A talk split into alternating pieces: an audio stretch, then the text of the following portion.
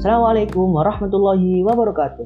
Hai teman-teman, di sini saya akan menjelaskan tentang bagaimana cara menghadapi dinamika dan tantangan dari identitas nasional khususnya di Indonesia. Sebagai warga negara yang cerdas, kita harus melakukan beberapa tindakan untuk menanggulangi dinamika dan tantangan identitas nasional di negara kita.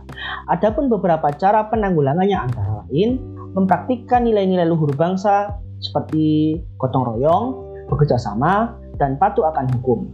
Mencintai produk-produk dalam negeri, menghargai jasa para pahlawan yang telah tiada, menjunjung tinggi harkat dan martabat bangsa dan negara, meningkatkan rasa nasionalisme dan patriotisme, menyukai simbol-simbol negara seperti bendera, bahasa, lagu kebangsaan dan daerah, lambang, serta semboyan negara.